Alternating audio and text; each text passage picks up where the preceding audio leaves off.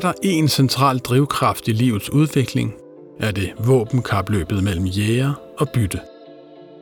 Det begyndte så småt i oceanerne for omkring 600 millioner år siden, hvor nye rovdyr først ryddede hele bulen, inden livet eksploderede i en mangfoldighed af væsener. Og så en dag jagede rovdyrene livet op på land. I vores naturvidenskabelige serie er vi nået til kapitel 14. Johanne Pontoppidan Tuxen og Mikkel Vurala står bag.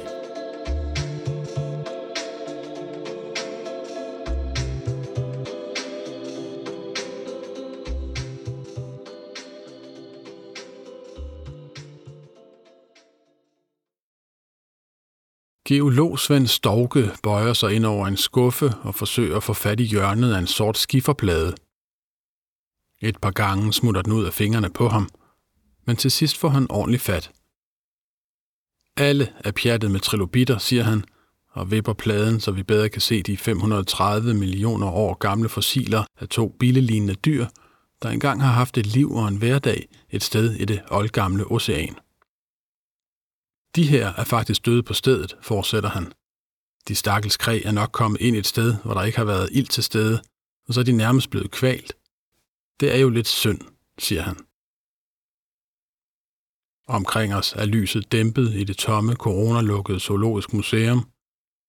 En løve står stivnet nogle meter væk og stiger på os, og fra den anden ende af udstillingen høres svag lyden af en film, der i båndsløjfe fortæller de tomme lokaler om fundet af knoglerne fra dinosaurusen Misty. 17 meter lang står skelettet fra denne langhals klar til at imponere dem, der i mere normale tider kommer ind i museets udstilling. Men de vigtigste fossiler er ikke de store dinosaurusskeletter, har den berømte paleontolog Stephen Jay Gould sagt. De vigtigste fossiler er disse to lidt ondselige trilobitter og deres mærkelige livsfælder fra det, der bliver kaldt den kambriske eksplosion. En periode for omtrent 540 millioner år siden, hvor livet gjorde noget voldsomt og aldrig tidligere set, eksploderede i et væld af former.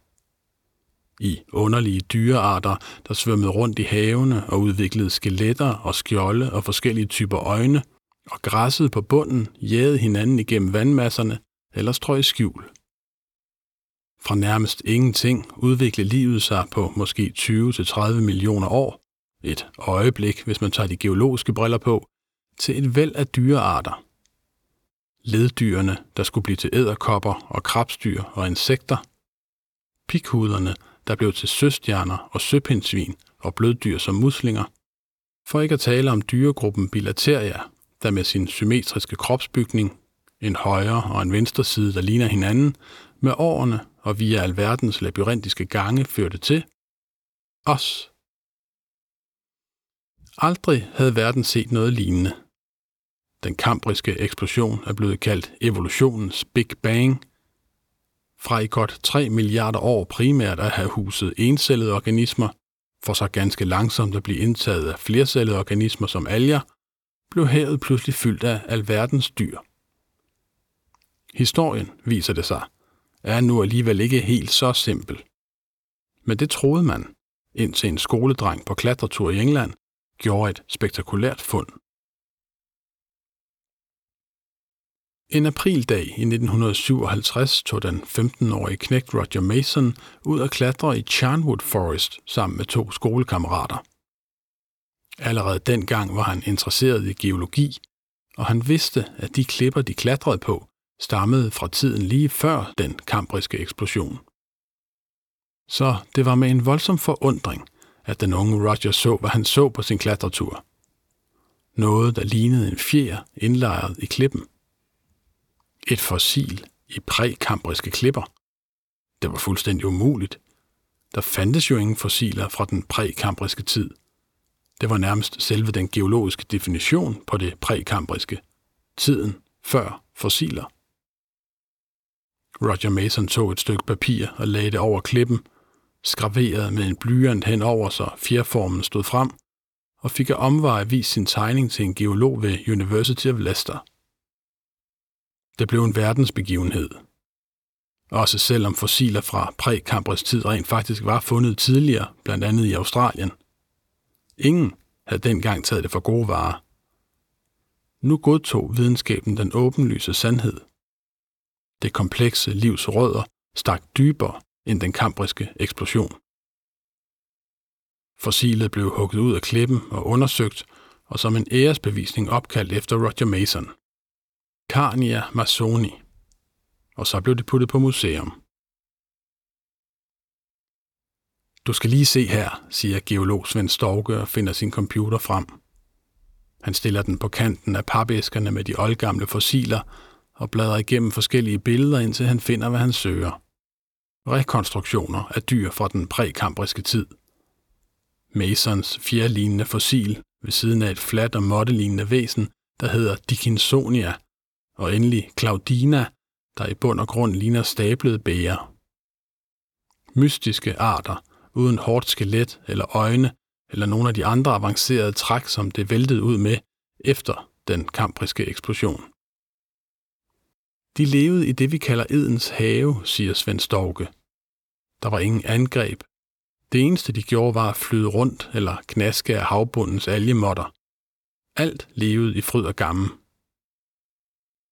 Men intet paradis varer evigt. Som det eneste af fossilerne fra den gang er Claudinas stablede bæger lavet af hårde dele. Det kræver energi at lave hårde dele. Det giver kun mening at gøre, hvis man har brug for at beskytte sig. Og så har forskere alligevel i enkelte af fossilerne fundet små tynde huller, som om noget har boret sig vej ind til det bløde og lækre og levende, der har befundet sig indeni. Rovdyrenes tid var kommet. Stort set alle disse mærkelige væsener døde pludseligt i en masseuddøen lige inden den kambriske eksplosion, og en af teorierne er, at de blev spist. Våbenkapløbet mellem jæger og bytte var begyndt. Det at æde hinanden var for så vidt ikke nyt. De bakterieceller, som havde levet alene i havene i milliarder af år, fortærede også hinanden, hvis de havde lyst at kunne komme til det. Men cellerne kunne kun spise en enkelt eller to af gangen. Nu blev der udviklet arter, der kunne fortære i tusindvis. Måske tænker du ikke på det som et rovdyr, men en goble er en dræbermaskine – i hvert fald i forhold til alt andet, der fandtes for 500-600 millioner år siden. Gobler er et polypdyr, og ikke nok med, at det er et dyr med muskler og nerver, det har også lange arme med bitte små giftige pigge. På jagt kunne de bevæge sig rundt i havene og fange bytte med fangearme og stoppe det indenbords. Og det var en game changer. Goblerne er et af de tidligste rovdyr, vi kender. Men hvor polypdyrene måske nok opfandt jagten, var det en anden dyregruppe, der professionaliserede den. De bilaterale dyr. Vores forfædre. De udviklede større muskler, skarpe tænder, kraftige kæber, et godt blik og en hjerne til at koordinere hele dette mirakel af død og ødelæggelse. Som svar på denne jagen og froden udviklede byttedyrene skjolde af hårde skaller, kamuflage eller gift, hvorefter rovdyr med tiden lærte at skære sig igennem forsvarsværkerne eller udviklede modstandskraft mod giften. Og sådan intensiveredes våbenkapløbet og drev livets udvikling videre gennem de næste 100 millioner af år, mens noget listigt og stille, men radikalt klodeforandrende var ved at ske oppe på land. Det er svært at forestille sig landjorden uden liv, men det har ikke været rart. Det var et sted uden muld, uden kviste.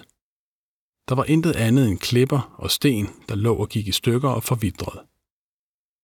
Men nær vandet, hvor der var fugtigt, kunne alger og cyanobakterier leve og udvikle sig. Ingen andre havde fundet på at bosætte sig der, dette mærkelige og barske sted, og de første alger blev konger af kontinenterne.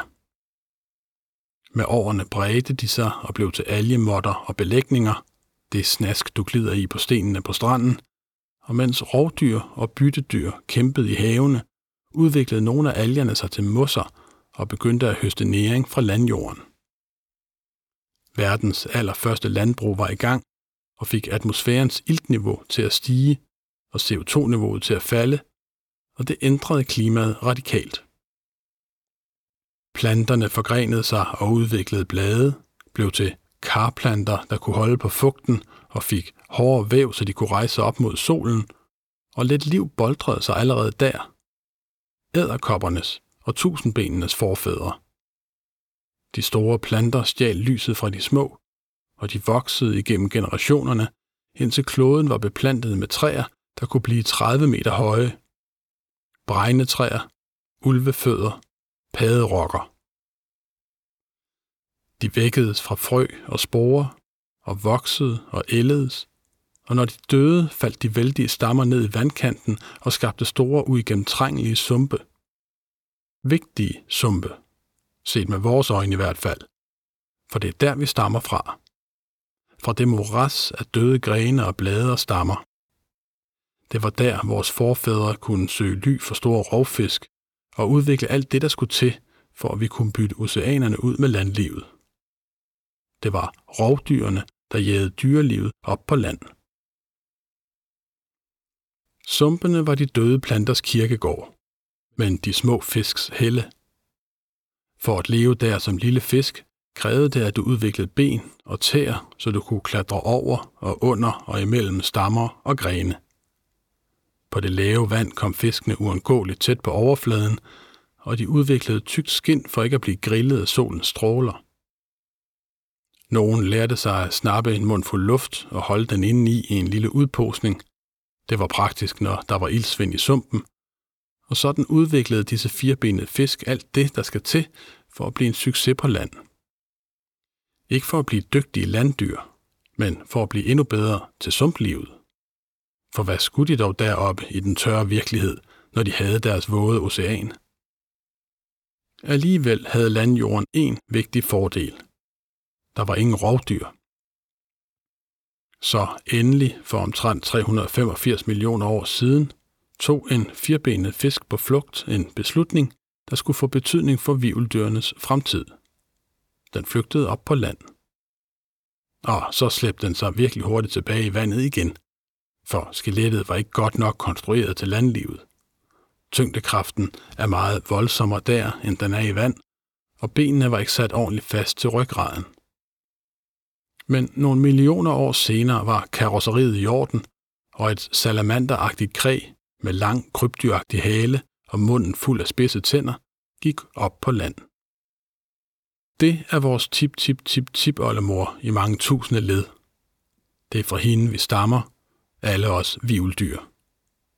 Hendes afkom formerede og forgrenede sig i forskellige arter og udnyttede alle de nye måder at leve på, som det der mærkelige landliv kunne tilbyde. De udviklede sig langsomt til det liv, vi kender i dag, og det er faktisk helt utroligt, at det lykkedes.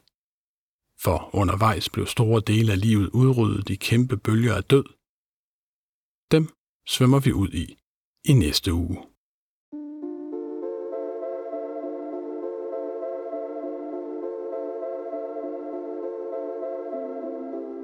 Det var kapitel 14 i vores nye naturvidenskabelige serie.